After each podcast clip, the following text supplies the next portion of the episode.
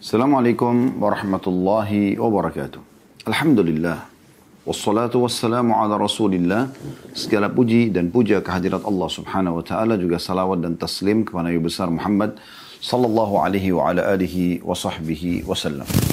Saudaraku seiman, ketemu lagi di hari Rabu siang hari pukul 13.00 sampai 14.00 insya Allah waktu Indonesia Barat. Kita akan melanjutkan beberapa buku kita, buku yang mulia, buku yang tulis oleh Imam Nawawi rahimahullah, Riyadus Salihin, kumpulan hadis-hadis pilihan. Dan kita masih dalam bab keutamaan hidup sederhana dan merasa cukup. Serta kita akan masuk ke hadis nomor 507. Dan cukup panjang hadis ini dan insya Allah kita akan langsung bacakan untuk menghemat waktu. Berbunyi dari Abu Hurairah radhiyallahu anhu beliau berkata, "Wallahi alladhi la ilaha illa hu in kuntu la a'tamidu bi kabidi 'ala al-ardi min al-ju' wa in kuntu la ashaddu al-hajara 'ala batni min al-ju'." Maaf, saya ulangi. Wa in kuntu la ashuddu al-hajara 'ala batni min al-ju'. ولقد قعدت يوما على طريقهم على طريقهم الذي يخرجون منه. فمر النبي صلى الله عليه وسلم فتبسم حين رآني وعرف ما في وجهي وما في نفسي. ثم قال أبا حر أبا هر قلت لبيك يا رسول الله. قال الحق. ومضى فاتبعته. فدخل فاستأذن فأذن لي فدخلت. ووجد لبنا في قدح فقال من أين هذا اللبن؟ قالوا أهداه لك فلان أو فلانة. قال أبا هر قلت لبيك يا رسول الله. قال الحق إلى أهل الصفة فادعوهم لي. قال وأهل الصفة أضياف الإسلام لا يأوهم على أهل ولا مال ولا على أحد. وكان إذا أتته صدقة بعث بها إليهم ولم يتناول منها شيئا. وإذا أتته هدية أرسل إليهم وأصاب منها وأشركهم فيها فساءني فساءني ذلك فقلت وما هذا اللبن في أهل الصفة؟ كنت أحق أن أصيب من هذا اللبن شربة أتقوى بها. فإذا جاءوا أمرني فقلت أنا أعطيهم وما عسى أن يبلغني من هذا اللبن. ولم يكن من طاعة الله وطاعة رسوله صلى الله عليه وسلم بد فأتيتهم فدعوتهم فأقبلوا واستأذنوا فأذن لهم وأخذوا مجالسهم من البيت. قال يا أبا هر قلت لبيك يا رسول الله. قال خذ فأعطهم.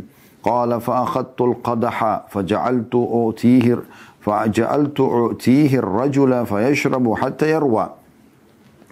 ثم يرد علي القضح فأعطيه الآخر. فيشرب حتى يروى.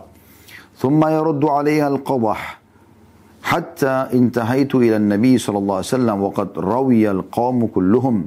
فأخذ القدح فوضعه على يده فنظر إلي فتبسم. فقال أبا هر قلت لبيك يا رسول الله. قال بكيت أنا وأنت. قلت صدقت يا رسول الله. قال اقعد فاشرب. فقعدت فشربت. فقال اشرب فشربت وما زال يقول اشرب حتى قلت لا والذي بعثك بالحق ما أجد له مسلكا. قال فأريني فأعطيته القضح فحمد الله تعالى وسمى وشرب الفضل. Artinya, demi Allah, kata Abu Hurairah radhiyallahu anhu, dia menceritakan tentang kisah dia yang cukup panjang, Beliau mengatakan demi Allah yang tidak ada Tuhan yang berhak disembah kecuali dia. Aku pernah menekan perutku ke tanah karena lapar. Juga pernah mengikatkan batu di perutku karena lapar. Sungguh, pada suatu hari aku pernah duduk di jalan yang biasa dilewati orang-orang. Kemudian lewatlah Nabi SAW. Beliau tersenyum ketika melihatku dan beliau mengetahui apa yang ada di raut wajahku dan apa yang ada di dalam diriku. Kemudian beliau bersabda, wahai Abahir. Ini julukan Abu Hurairah ya. Dia dipanggil Abu Hir atau Abu Hurairah. Wahai Abu Hir, saya jawab baik wahai Rasulullah. Beliau menjawab atau beliau bersabda, ikutlah aku. Beliau berjalan maka saya pun mengikuti beliau. Beliau masuk rumah lalu saya minta izin masuk dan saya diizinkan maka saya masuk. Kemudian menemukan susu dalam sebuah mangkuk. Dan beliau menemukan susu dalam sebuah mangkuk.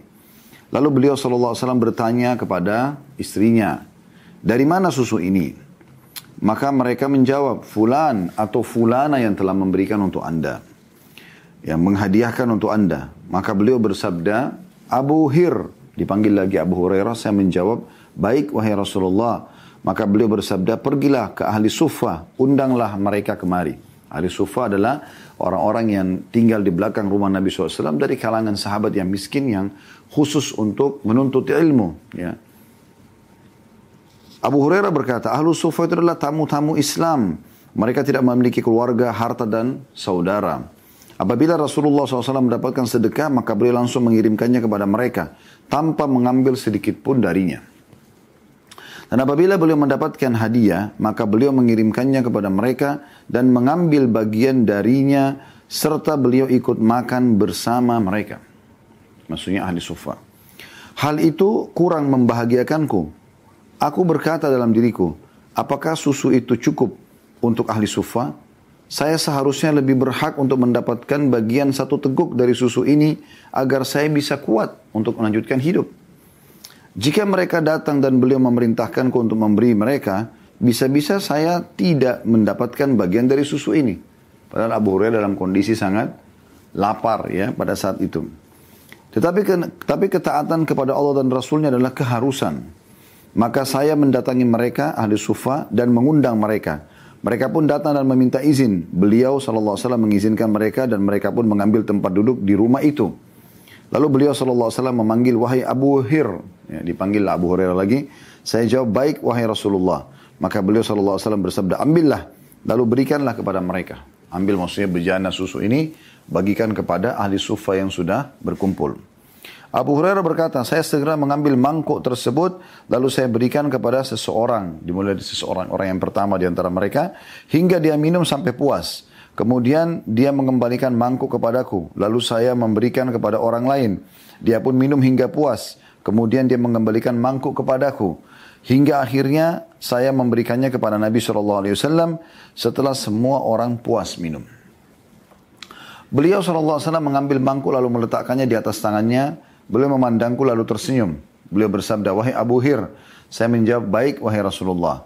Beliau SAW bersabda, tinggal aku dan kamu. Maksudnya yang belum minum. Saya menjawab, anda benar wahai Rasulullah. Beliau pun bersabda, duduklah, lalu minumlah. Maka saya duduk, lalu minum. Beliau bersabda, minumlah. Maka saya minum. Beliau tidak berhenti mengucapkan, minumlah. Sampai saya berkata, tidak demi Allah yang telah mengutus anda dengan kebenaran, saya tidak mendapatkan lagi tempat di perutku untuknya. Beliau bersabda, kalau begitu berikanlah padaku. Maka saya memberikannya kepada beliau. Beliau lalu memuji Allah Ta'ala, membaca basmalah dan meminum susu yang tersisa. Hadis ini diriwayatkan oleh Bukhari. Hadis yang cukup panjang ini sebenarnya adalah cerita tentang pengalaman seorang sahabat yang mulia bernama Abu Hurairah radhiyallahu anhu. Kita akan mulai dulu dengan faedah yang pertama. Abu Hurairah adalah julukan beliau. Abu Hurairah. Hurairah dari kata-kata hir yang berarti kucing ya. Nama beliau adalah Abdurrahman ibn Sakhr. Abdurrahman ibn Sakhr radhiyallahu anhu. Beliau berasal dari kota Taif, kurang lebih dari suku Daus ya, suku yang ada di sana di kota Taif. Dan ini uh, beliau termasuk orang yang mendapatkan doa Nabi Shallallahu Alaihi Wasallam pada saat Nabi Shallallahu Alaihi Wasallam ya mendoakan agar penduduk Mekah dan Taif ini dari keturunan mereka akan mendapatkan hidayah agar bisa menganut agama Allah Subhanahu wa taala. Yang tadinya kota Taif ini kota Abu Hurairah adalah termasuk kota yang sangat membangkang, tidak ingin mengikuti agama Islam ya, e, setelah kota Mekah tentunya. Abu Hurairah sendiri punya kisah, dia eh, pernah melihat kucing kecil, kemudian dia melihat kucing itu eh, seperti membutuhkan bantuan, maka dia pun mengambilnya dan masukkan dalam kantongnya. Pada saat dia sedang bertemu dengan teman-temannya, terdengarlah suara kucing tersebut. Ya, lalu ditanya oleh teman-temannya, dia menceritakan bagaimana dia menemukan kucing tadi. Maka mulai semenjak itu dia dipanggil dengan julukan Abu Hir atau Abu Hurairah. Ya. Jadi ini uh, salah satu riwayat yang menyebutkan kenapa dia dipanggil dengan julukan ini. Dan beliau memang sangat suka dengan hewan kucing. Abu Hurairah radhiyallahu anhu adalah perawi hadis terbanyak di kalangan sahabat dari kalangan laki-laki ya. Secara global pun laki-laki dan perempuan di antara sahabat, beliau adalah orang yang paling banyak meriwayatkan hadis Nabi Shallallahu Alaihi Wasallam. Jadi beliau memang sangat cinta dengan apa yang disampaikan oleh Nabi Shallallahu Alaihi Wasallam. Beliau menghafal lalu beliau menyampaikan dan mengamalkan dalam hidupnya. Sampai orang-orang menjadikannya sebagai rujukan baik di masa Nabi Shallallahu Alaihi Wasallam ataupun sampai di masa kita bahkan sampai menjelang hari kiamat nanti kita akan selalu mendapatkan hadis Abu Hurairah. Dalam buku ini dalam uh, Riyadus Salihin yang tulis oleh Imam Nawawi rahimahullah salah satu buku yang menyusun beberapa hadis beliau. Ya, di antaranya hadis yang sedang kita baca. Begitu juga banyak sekali dalam hampir semua buku hadis ya. Semuanya menukil riwayat-riwayat yang, di, yang disebutkan oleh Abu Hurairah radhiyallahu anhu dan kita bisa bayangkan bagaimana pahala manusia yang mulia ini yang telah Allah Subhanahu wa taala pilih dia justru untuk uh, menyampaikan hadis-hadis Nabi sallallahu alaihi wasallam. Setiap kali kita dengarkan, setiap kali kita amalkan maka beliau akan panen pahalanya. Pelajaran dari Abu Hurairah juga kita bisa ambil masih dalam yang pertama adalah bagaimana pentingnya seseorang menyibukkan diri dengan ilmu. Dan ilmu inilah yang akhirnya membuat Abu Hurairah termuliakan. Sebelumnya Abu Hurairah tidak dikenal sama sekali.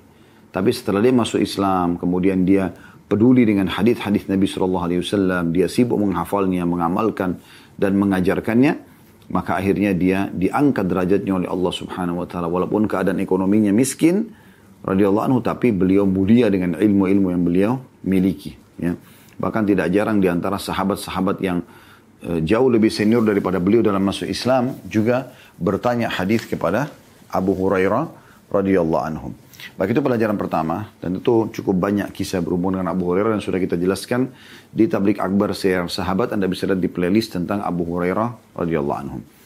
Kita masuk pelajaran yang kedua adalah bagaimana seseorang dalam menyampaikan ilmu dia boleh menyampaikan ya histori daripada ilmu itu. Misalnya dia akan bertemu dengan seorang guru, seorang kiai yang memiliki ilmu, dia ingin belajar ke sana maka dia bisa saja pada saat ingin menyampaikan kepada murid-muridnya, pada saat dia sudah uh, menjadi guru misalnya, kalau saya pernah mendengar dari guru saya bernama Fulan, dari Nabi SAW yang berbunyi begini misalnya, dia langsung to the point, itu juga bisa.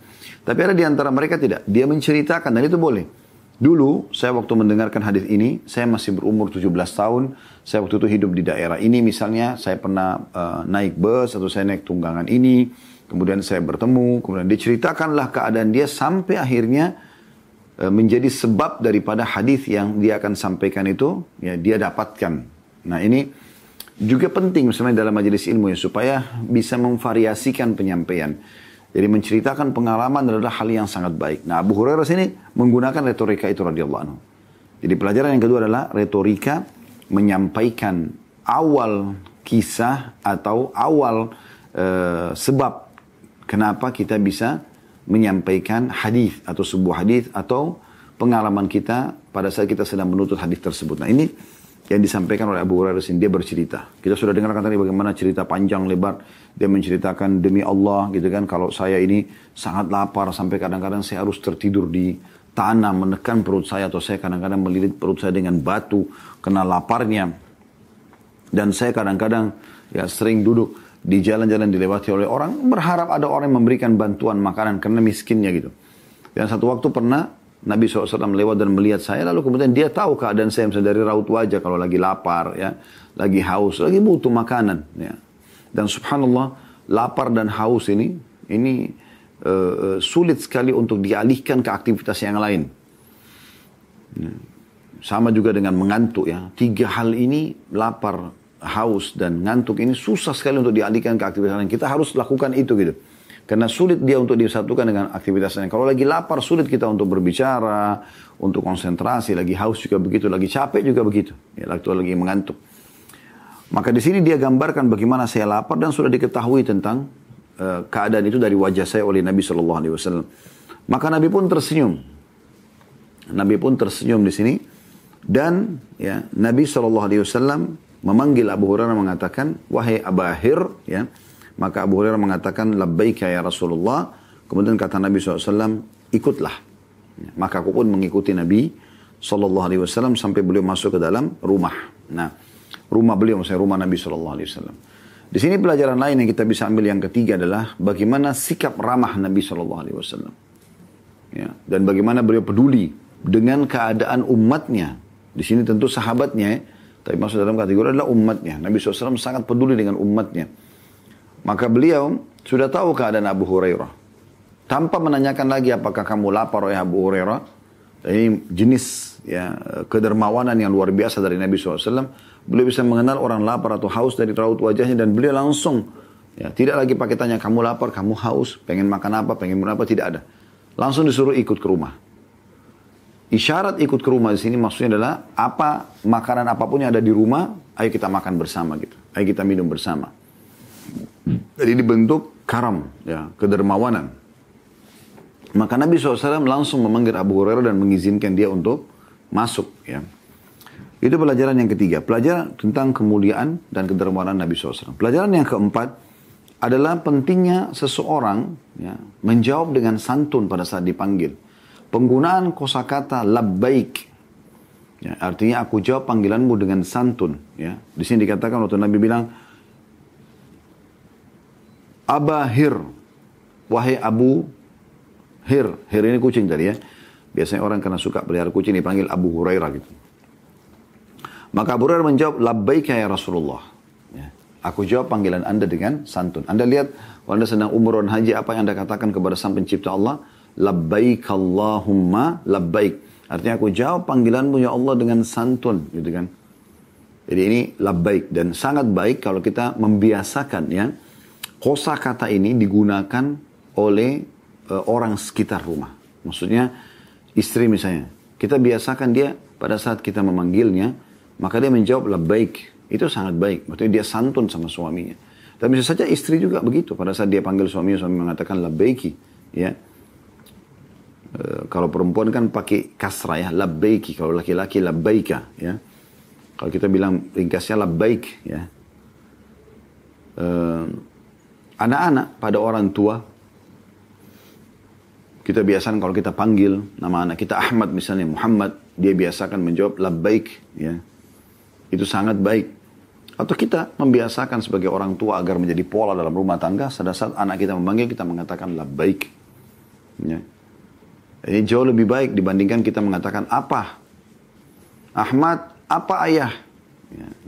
Kayaknya sedikit ada ya, kasarnya di situ ya. Tapi kalau dia bilang, iya ayah, itu lebih baik ya. Bahasa Arabnya sana, labbaik. Dan ini ajaran yang disampaikan oleh Nabi SAW di sini dalam riwayat ini. Ya. Karena Nabi tidak tegur Abu Hurairah pada saat mengatakan itu. Dan kita sudah tahu tadi panggilan pada saat kita umroh haji kita mengatakan itu kepada Allah. Labbaik Allahumma labbaik. Ya. Ini pelajaran yang keempat. Bagaimana seseorang menjawab dengan kata-kata santun pada saat dipanggil. Ya. Kemudian yang kelima, bagaimana secara khusus memuliakan tamu bagian daripada syariat Islam. Nabi SAW memanggil Abu Hurairah ke rumahnya. Nabi tidak memberikan ya, di sini minuman atau makanan yang bisa didapatkan dibeli dari pasar misalnya. Tapi Nabi SAW mengkhususkan panggil dia ke rumah. Ya. Panggil ke rumah untuk diberikan makanan dan minuman. Dan ini sejalan dengan sabda Nabi SAW, Man kana yu'min billahi wal yawmil akhir, fal yukrim daifah atau daifah. Barang siapa yang mengaku beriman kepada Allah, Allah dan hari akhir, dia harus menghormati tamunya. Ya. Dan menghormati tamu bagian daripada syariat. Bahkan tamu memiliki hak tiga hari ya, untuk dihormati. Kalau lebih dari tiga hari berarti sudah sedekah dari pemilik rumah. Ya. Ini poin yang atau faedah yang kelima yang bisa kita ambil tentang memuliakan tamu. Faedah yang keenam adalah bagaimana seorang uh, laki-laki kalau dia masuk dalam rumahnya dia punya hak untuk bertanya kepada istrinya kalau ada makanan, minuman yang kira-kira asing. Bagi dia sepertinya tidak bukan dari dia gitu ya sebagai dia sebaiknya bertanya ini dari mana makanan? Dari mana kue ini? Ya. Bukan curiga pada istri bukan. Tetapi perlu kita mengetahui mungkin dari si fulan yang perlu kita balas kebaikan dia gitu kan? Karena kata Nabi SAW dalam sebuah hadis yang lain siapa yang berbuat baik pada kalian maka balaslah yang setimpal. Kalau kalian tidak punya, ucapkanlah jazakallahu khairan kalau laki-laki. Semoga Allah balas anda dengan kebaikan. Kalau perempuan, jazakillahu khairan. Ya, semoga Allah balas anda dengan kebaikan. Itu terjemahannya ya. Harus ada khairannya. Ini sering kali saya dengarkan uh, dan akhwat kita menggunakan jazakallah, jazakallah. Jazakallah artinya Allah balas anda. Dengan apa? Khairan itu doanya. Kebaikan maksudnya. Ya. Dan kita harapkan sini adalah kebaikan dunia dan kebaikan akhirat. Ya. Baik, ini pelajaran sendiri. Menghormati tamu itu. Ya. Menghormati tamu. Kemudian kita bisa lihat bagaimana sifat Nabi SAW dalam tamu ini. Beliau sangat suka Terbukti beliau kalau mendapatkan kata Abu di sini apa pun itu sifatnya. Pada saat e, ditanya, maaf ini pelajaran yang keenam tadi tentang masalah bolehnya seorang suami menanyakan makanan atau minuman ataupun ada hadiah apa di rumah dari mana asalnya supaya dia bisa balas kebaikan tersebut. Ini faedah yang keenam ya. Nah, di sini diambil daripada Nabi SAW bertanya kepada para istrinya pada saat masuk di rumah dilihat ada ada satu mangkuk isinya susu gitu. Dari mana susu ini? Maka dijawablah, Anda telah diberikan oleh si fulan atau si fulana gitu. Lalu Nabi SAW ya, mencontohkan tentang cintanya pada tamu di sini. Masih ini kembali kepada faedah yang kelima tadi tentang penghormatan terhadap tamu. Abu Hurairah diperintahkan Nabi SAW untuk memanggil ahli sufa. Dan ahli sufa ini ada satu lokasi di belakang rumah Nabi bisa menampung sampai 300 orang. Dari sahabat-sahabat yang miskin ya, mereka mau menuntut ilmu, maka Nabi SAW yang menghidupi mereka. Dan terbuka sekali pintu ahli sufa ini untuk menerima makanan, minuman, pakaian, sumbangan dari penduduk Madinah pada saat itu atau dari muslimin secara umum. Maka Nabi SAW suruh Abu Hurairah panggil mereka. Panggil ahli sufa. Dan Abu Hurairah lihat sebenarnya Nabi SAW ingin membagikan satu mangkuk susu. Dan dia tahu ahli sufa orangnya banyak gitu. Sementara Abu Hurairah ini dalam perasaan dia dia sangat haus, dia sangat lapar dan dia butuh sekali ya untuk uh, minum gitu kan. Dia mengatakan dalam hatinya harusnya jangan dipanggil ahli sufa. Susu cuma satu mangkuk ya. Maka saya harusnya meminumnya gitu. Saya lebih berhak walaupun hanya seteguk atau mungkin saya diberikan dulu kemudian baru saya panggil ahli sufa. Takutnya nanti kalau dibagi pada mereka tidak cukup buat saya gitu. Nah ini manusiawi sekali pemikiran Abu Hurairah yang memang lagi lapar dan lagi haus pada saat itu. Ya. Namun Nabi SAW bentuk karamnya, kedermawanan dipanggil dulu ahli sufa. Orang-orang yang sudah pasti di sini Abu Hurairah menggambarkan mereka tidak punya keluarga, mereka tidak punya saudara, mereka tidak punya harta. Maka Abu Hurairah pun mengatakan karena taat kepada Allah dan Rasulnya lebih harus didahulukan, maka aku pun mentaatinya. Dan ini pelajaran yang ketujuh teman-teman sekalian. Harusnya kita mendahulukan Allah dan Rasulnya walaupun ya harus kita mengorbankan apa yang kita inginkan. Sekarang Abu Hurairah sangat haus, sangat lapar. Dan beliau bisa saja berharap Rasulullah kasih dulu ke dia gitu. Tapi karena Rasulullah SAW yang sudah tahu keadaannya, justru mengatakan pada dia, panggil ahli sufa. Bukan malah dikasih Abu Hurairah, Abu Hurairah mengatakan kalau gitu saya taat. Walaupun lagi haus sekali. Anda bisa bayangkan ya. Dan ini susu halal untuk diminum. Bagaimana dengan orang yang menjerumuskan diri dengan narkotika, naudzubillah dengan minuman keras, ya. Sementara uh, dia tahu itu haram. Dia tidak dahulukan rasa takut dan hormatnya kepada Allah dan Rasulnya. Abu Hurairah di sini pelajaran luar biasa dalam kondisi dia haus, susu itu lapar dia bisa ya, susu itu halal dia bisa minta dari Nabi SAW. Tapi karena Nabi suruh panggil ahli sufa dulu dia dahulukan diri. Dalam kondisi dia haus dan lapar. Dia sudah gambarkan bagaimana perutnya diikat dengan batu. Bahkan kadang-kadang dia menekan perutnya di tanah karena laparnya. Ini pelajaran luar biasa dari ya Abu Hurairah poin ketujuh yaitu selalu mendahulukan ketaatan kepada Allah dan Rasulnya di atas semua yang kita inginkan di dunia ini. Pelajaran yang kedelapan adalah bagaimana terlihat mujizat Nabi Sallallahu Alaihi Wasallam. Dan Nabi SAW menyuruh Abu Hurairah pada saat Ahli Sufa sudah datang. Di sini tidak, tidak disebutkan uh, jumlah mereka berapa, tapi Ahli Sufa jumlahnya banyak. Karena saya katakan tadi dalam buku-buku sejarah disebutkan bisa menampung sampai 300 orang. Ya. 10 persennya saja berarti sudah 30 orang misalnya yang datang. Tapi sini tidak disebutkan jumlahnya, maka Nabi SAW menyuruh Abu Hurairah memberikan. Maka Abu Hurairah pun memberikan ya mangkuk tersebut kepada satu orang. Dia minum sampai puas. Ya. Uniknya pada saat dia minum, ya susu tersebut tidak berkurang. Dikembalikan dalam kondisi masih utuh. Maka diberikan lagi pada orang yang kedua. Terjadi hal yang sama. Diminum, terus kemudian tetap utuh. Begitu terus sampai selesai semua hadis sufa dan mereka kenyang. Ini mujizat Allah SWT kepada Nabi Muhammad SAW. Kemudian setelah itu, ya masih ada utuh, lalu Nabi uh, Abu Hurairah dengan luar biasanya dia dalam kondisi haus, dia masih tidak minta lagi kepada Nabi SAW, dia kembalikan dulu kepada Nabi SAW. Lalu Nabi SAW pegang. Lalu Abu, Nabi SAW berkata kepada Abu Hurairah, tinggal kamu sama saya, wahai Abu Hurairah. Maka Abu Hurairah mengatakan, betul ya Rasulullah. Lalu Nabi SAW berikan Abu Hurairah mengatakan, minumlah. Maka Abu Hurairah minum. Dan tidak pernah berkurang susu tersebut di, di, di mangkuknya. Dia minum. Setelah selesai, dia udah kenyang. Nabi masih mengatakan minumlah. Sampai Abu Hurairah mengatakan demi zat yang telah mengutus engkau dengan marah. Maksudnya demi Allah ya. Demi zat maksudnya demi Allah yang telah mengutus anda dengan kebenaran. Maksudnya risalah yang anda bawa ini benar. Dia bersumpah atas nama itu. Dia mengatakan sudah tidak lagi tempatnya. Sudah full. Tapi susunya masih ada. Ya. kemudian Nabi saw membaca Bismillah memuji Allah baca Bismillah lalu meminum susu tersebut ya ini adalah mukjizat Allah SWT kepada Nabi SAW. Satu mangkuk susu cukup untuk beliau Abu Hurairah dan juga ashab, ahlu sufa atau penduduk uh, sufa rumah yang Nabi SAW siapkan di belakang rumah beliau untuk orang-orang miskin sahabat. Itu pelajaran yang ketujuh. Pelajaran yang kedelapan yang bisa kita ambil adalah bagaimana tawaduknya Nabi SAW. Setelah tadi kita pelajari mukjizat Nabi SAW. Tawaduknya Nabi SAW. Bagaimana beliau setelah semua sahabatnya minum, Baru kemudian beliau minum dari wadah yang sama. Ya. Mungkin ini jarang sekali dilakukan oleh umumnya orang meminum dari bekas muslim yang lain. Gitu kan. Banyak orang menganggap itu adalah satu hal yang menjijikkan. Padahal sebenarnya tidak. Kecuali orang itu memang ada penyakitnya. Tapi kalau tidak, salah satu yang sering Nabi SAW melakukan adalah bukan cuma di saat ini, tapi di saat lain pun. Saya beliau habis sholat, kumpul di masjid, kemudian ada yang, ada yang menuangkan susu, Nabi SAW memberikan dulu kepada orang yang di sebelah kanan beliau. Kemudian berputarlah ya susu tersebut, dituangkan, diberikan semua sampai terakhir kembali kepada beliau lalu beliau minum Sallallahu Alaihi Wasallam. Ini bentuk tawaduk yang luar biasa.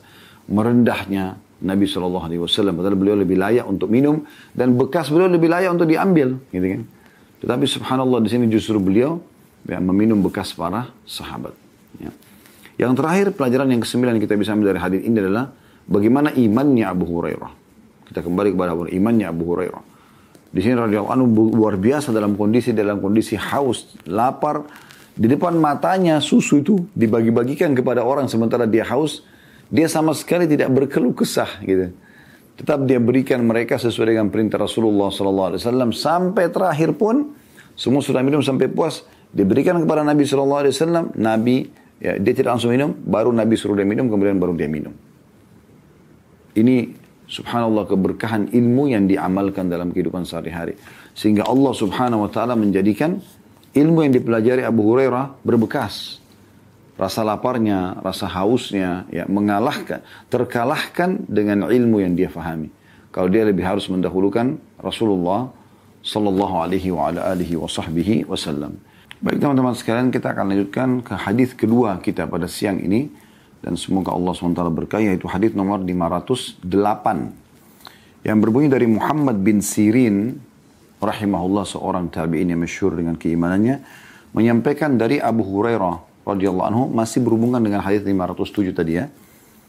Beliau berkata menceritakan tentang dirinya لقد رأيتني وإني لأخر فيما بين منبر رسول الله صلى الله عليه وسلم إلى حجرة عائشة رضي الله عنها مغشيا علي فيجيء الجائي فيضع رجله على عنقي ويرى أني مجنون وما بي من جنون ما بي إلا الجوع Sungguh aku telah menyaksikan diriku sendiri tergeletak pingsan di antara mimbar Rasulullah SAW dan kamar Aisyah radhiyallahu anha. Kemudian datanglah seseorang, dia meletakkan kakinya di atas leherku. Ya. Dia mengira kalau aku gila, padahal aku tidak gila. Tidak ada penyakit pada diriku kecuali kelaparan saja. Hadis ini diriwayatkan oleh Bukhari. Dan ada makna di situ dia meletakkan kakinya di atas leherku. Ada pun nomor 440. Ya ini kebiasaan orang Arab terhadap orang yang gila hingga dia sadar gitu. Ya. Ini cara mereka pada saat itu. Baik. Kita lihat dari hadis ini atau dari riwayat ini mirip dengan 507 tadi. Bagaimana Abu Hurairah, sahabat Nabi yang mulia radhiyallahu anhu yang sudah kita ceritakan tadi panjang lebar tentang pribadi beliau dan juga kisah beliau di hadis yang sebelumnya tentang beliau minum susu dan bagaimana keteguhan imannya mengikuti Rasulullah sallallahu alaihi wasallam dan didahulukan daripada rasa haus dan laparnya. Maka di kisah di sini disampaikan juga bagaimana kelaparan yang menimpa Abu Hurairah sampai pada tingkat bisa membuatnya pingsan. Dan saking laparnya sampai dikira ada sebagian orang yang belum kenal beliau pada saat itu mengira beliau adalah orang gila. Padahal sebenarnya membuat beliau sampai pingsan, sampai tergeletak ya. Itu sampai seperti orang yang sudah tidak mempedulikan diri lagi karena kelaparan dan bukan karena sifat atau uh, karena kegilaan. Baik dari hadis 508 kita ambil pelajaran bagaimana ya kesabaran Abu Hurairah dalam melalui kehidupan dunia ini dan bagaimana Allah Subhanahu wa taala menguji beliau dengan kemiskinan. Namun beliau radhiyallahu anhu uh, tetap komitmen dalam mempelajari hadis Nabi sallallahu alaihi wasallam dan bagaimana beliau justru sibuk dengan ilmu ya. Dan uh, rasa lapar yang sampai membuatnya pingsan pun tidak membuat dia sampai mengemis-ngemis kepada orang-orang ya dan banyak sekali di antara orang-orang yang di antara muslimin yang tidak mengetahui tentang kisah manusia yang mulia ini. Bahkan ada di antara mereka yang menghina Abu Hurairah seperti kelompok Syiah yang banyak menyalahkan sahabat yang mulia ini dan mencari-cari ya kekurangannya. Padahal sebenarnya jelas ya mayoritas hadis Nabi Wasallam sampai kepada kita itu justru dari manusia yang terbaik ini yang telah Allah pilih dan Allah datangkan dia masuk Islam ya, kemudian menghafal hadis Kemudian tiap hari sibuk dengan itu sampai akhirnya menyampaikan banyak sekali hadis Nabi Shallallahu Alaihi Wasallam. Di sini teman-teman sekalian ada pelajaran tentang kedudukan beliau ya, dan kesabaran beliau dalam menghadapi kehidupan atau kesulitan kehidupan sampai beliau pernah pingsan gara-gara lapar, ya, gara-gara lapar, ya. Dan kadang-kadang keadaan beliau, kalaupun tidak pingsan, maka beliau terlihat seperti orang yang sedang gila. Gitu. Lalu kemudian ada orang yang datang ya untuk menyadarkan dia seakan-akan menyadarkan dia dari kegilaannya itu dengan meletakkan kaki di leher ya. Ini di sini disebutkan tradisi mereka pada saat itu orang-orang Arab kalau orang gila mereka terapi dengan cara seperti ini, bukan dicekik ya. Tapi seakan-akan dilakukan sebuah terapi yang mereka lakukan pada saat itu seperti itu ya. Maka uh, dia mengatakan ada orang yang datang sampai meletakkan kakinya di leherku dia yang mengira aku sedang gila. Karena sebenarnya aku tidak gila, tapi tidak ada yang menimpaku kecuali rasa lapar. Ya. Oleh karena itu Imam Nawawi masukkan hadis ini dalam hidup sederhana. Bagaimana sampai pada tingkat seperti ini Abu Hurairah radhiyallahu anhu kelaparan dan bersabar terhadap kelaparan tersebut. Hadis selanjutnya 509. Dari Aisyah radhiyallahu anha beliau berkata, "Tufiya Rasulullah sallallahu alaihi wasallam wa dir'uhu marhunatun 'inda Yahudiyyin fi 30 sa'an min sya'ir." Ketika Rasulullah SAW wafat, baju besi beliau masih tergadaikan pada seorang Yahudi karena hutang 30 sa' gandum. Hadis ini riwayat Bukhari dan Muslim. Dari hadis ini juga ya, sepadan sekali untuk masuk dalam bab yang sedang kita bahas yaitu keutamaan hidup sederhana bagaimana Nabi Shallallahu Alaihi Wasallam sebenarnya tinggal ya uh, meminta dari salah satu anak mantunya misalnya. Beliau punya anak mantu Utsman bin Affan yang masyhur dengan kekayaannya gitu kan. Tinggal menyampaikan Abu uh, Utsman akan menyiapkan apa saja. Menyampaikan kepada para sahabat beliau. Apa saja yang beliau minta maka akan pasti dipenuhi oleh para sahabat. Tapi Nabi SAW memiliki kemuliaan jiwa. Beliau tidak meminta daripada sahabatnya. Tapi beliau masih punya kemuliaan diri. Beliau mengambil baju perangnya lalu ma, ma, uh, menggadekannya pada Yahudi. Ya. Dan di sini kalau ada yang bertanya, kenapa Nabi SAW menggadekan kepada seorang Yahudi? Kenapa bukan kepada Muslim? Gitu. Karena kalau Nabi SAW menggadekan pada seorang Muslim, tentu saja Muslim itu tidak akan mungkin mau mengutangkan Nabi SAW. Pasti akan diberikan cuma-cuma. Nggak mungkin. Sementara Nabi SAW tidak ingin terjadi hal tersebut. Kalau orang Yahudi, mereka tahunya ini walaupun diakui nabi oleh uh, para kaum muslimin tapi orang Yahudi tidak mengakuinya sebagai nabi. Mereka anggap Nabi Muhammad SAW itu orang biasa gitu. Maka dengan begitu muamalahnya pun biasa saja. Tapi Nabi SAW ya uh, memberikan jaminan pada mereka dengan memberikan baju perang yang biasa beliau pakai dan ini kemuliaan ya. apa pun yang Nabi SAW pernah pakai itu pasti punya ya keberkahan tersendiri tetapi subhanallah beliau gadekan dan sampai beliau meninggal beliau belum bisa menebus ya 30 sa satu sa itu kurang lebih dua telapak tangan orang dewasa kurma yang untuk memberikan makan kepada keluarga beliau Shallallahu Alaihi Wasallam. Tapi karena ini adalah gadaiannya, maka sudah setimpal gitu. Kalau Nabi SAW tidak bisa bayar, berarti baju perang itu menjadi milik si Yahudi tadi. Menjadi milik si Yahudi tadi. Jadi pelajaran yang bisa kita ambil dari sini adalah yang pertama, bagaimana ya sederhananya hidup Nabi SAW dan beliau tidak ingin membebani para sahabatnya, ya, pada kerabat-kerabatnya untuk meminta-minta pada mereka. Tapi Nabi SAW berjuang sendiri. Sampai pada tingkat beliau berjuang untuk memberikan baju perangnya kepada seorang Yahudi ya yang dengan harapan tentu kalau Yahudi tentu dia akan tetap ada muamalah hutang piutang di sini dan bukan berarti pemberian karena kalau diberikan uh, atau diminta kepada seorang muslim pasti muslim itu akan menghalalkan untuk Nabi Shallallahu Alaihi Wasallam tapi Nabi SAW tidak ingin hal tersebut.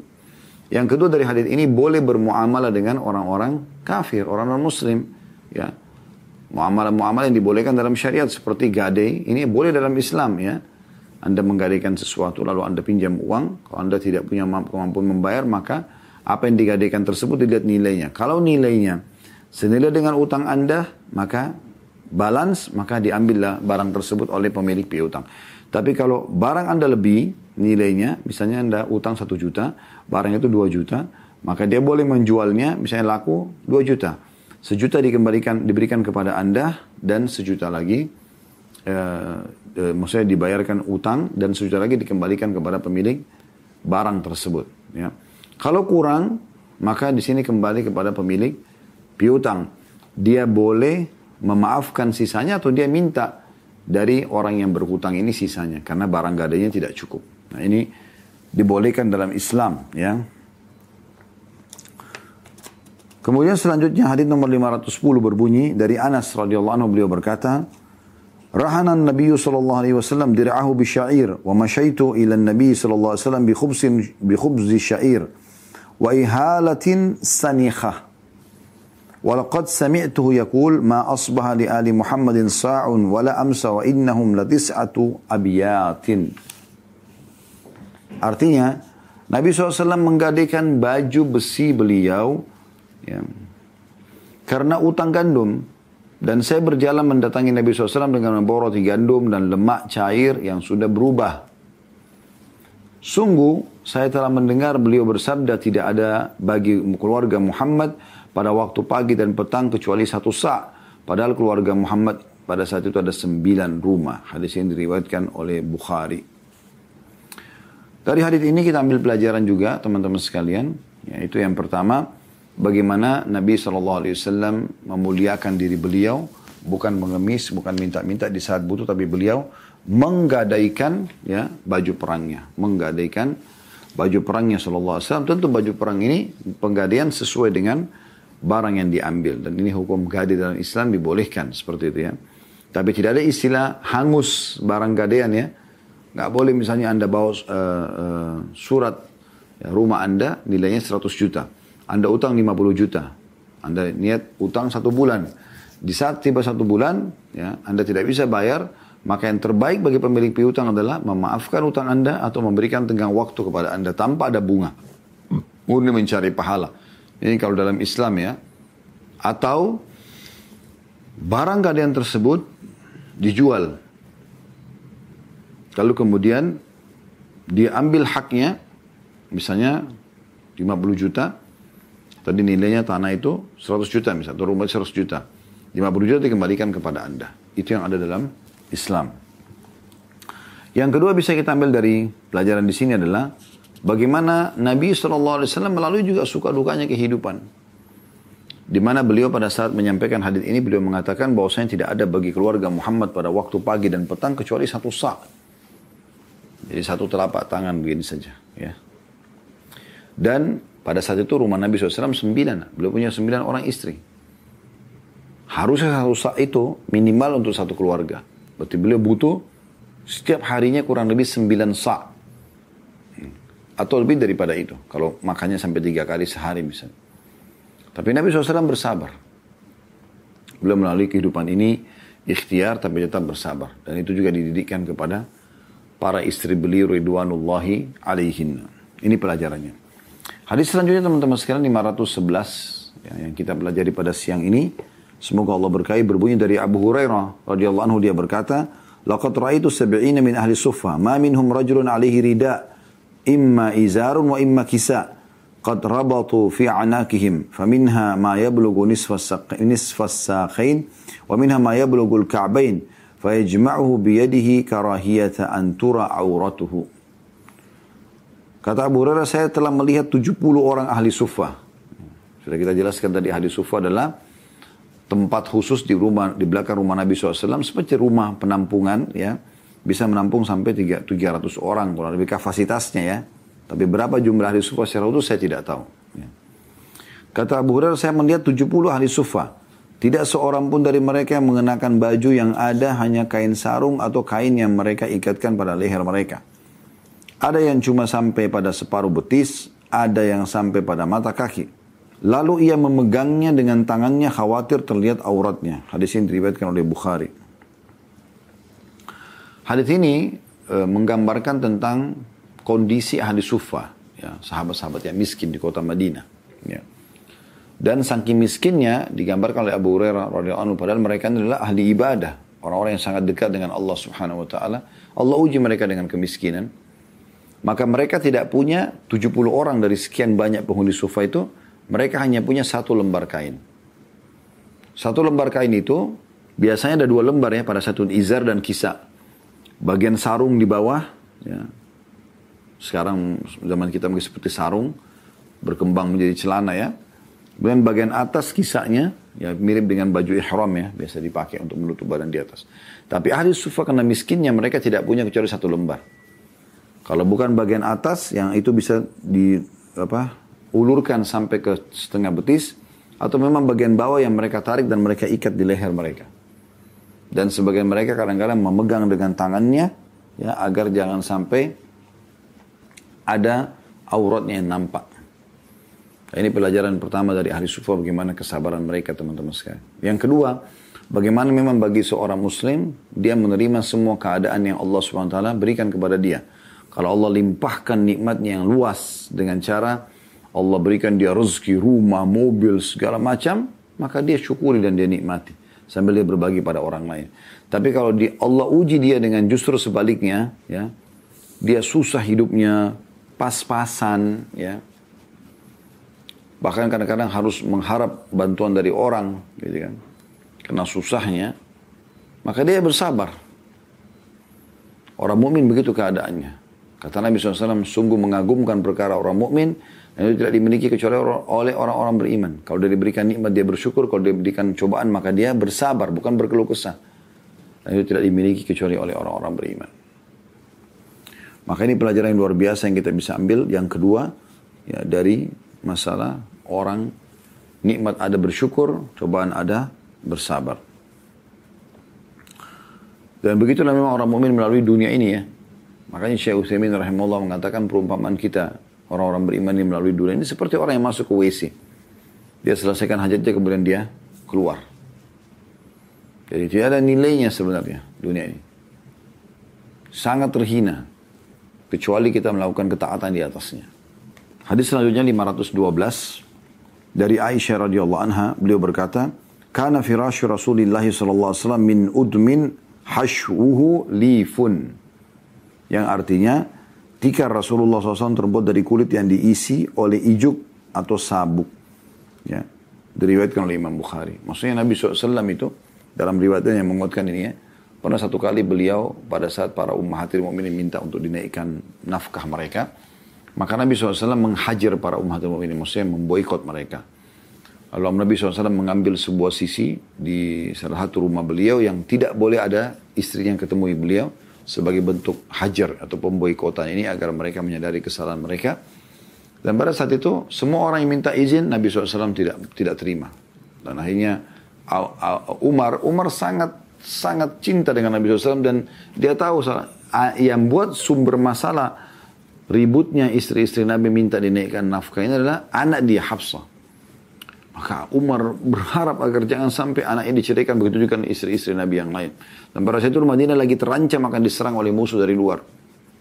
Maka akhirnya ya uh, Umar pun izin berulang-ulang sampai mungkin sudah keempat atau kelima kali baru diizinkan oleh Nabi Shallallahu Alaihi Wasallam. Maka Umar ingin menghibur Nabi Shallallahu Alaihi Wasallam, gitu kan, dengan dengan apa namanya masuk. Lalu dia Umar awalnya waktu masuk sedih melihat Nabi Shallallahu Alaihi Wasallam ya, apa namanya tidur di atas sebuah tikar yang pada saat Umar masuk Nabi SAW duduk dan terlihat di sisi badan beliau ada bekas daripada tikar tersebut. Maka sambil menangis Umar mengatakan, Ya Rasulullah, Persia, eh, apa, Kisra, rajanya Persia, kemudian eh, Kaisar di Romawi, mereka hidup duduk di atas dipan-dipan yang empuk. Sementara Anda adalah Nabi dan Raja kami. Ya, maksudnya kami juga ingin buat Anda senang gitu. Lalu Nabi SAW duduk sambil mengatakan, Hai Umar, apakah kau ragu bahwasanya mereka memiliki dunia dan kita memiliki akhirat? Ya, maka Umar pun terdiam lalu Umar mengatakan ingin menghibur Nabi SAW, Ya Rasulullah, dulu kami masih di Mekah, wanita-wanita kami tunduk pada kami. Tapi setelah kami hijrah ke Madinah, maka eh, kami temukan masyarakat Madinah justru wanita mereka yang mendominasi. Dan wanita-wanita kami justru terpengaruh oleh wanita-wanita mereka. Maksudnya seakan-akan Umar ingin mengatakan ini kayaknya ada pengaruh dari luar nih. Kenapa istri-istri anda sampai melakukan perbuatan ini. Maka Nabi SAW sempat tersenyum pada saat itu lalu terjadilah pembicaraan yang lain antara Umar dengan Nabi SAW. Tapi saksi bahasan kita memang di situ Umar masuk ke dalam rumah Nabi SAW dan beliau menemukan memang ada tikar ya dari kelapa kurma ya uh, yang agak kasar ya sehingga berbekas pada sisi tubuh Nabi sallallahu alaihi wa ala alihi wa sahbihi wasallam. Baik ini yang kita bisa bahas insya Allah kita akan lanjutkan nanti di pertemuan akan datang dengan hadis nomor 513 ya masih lanjutan di bab yang sama insya Allah.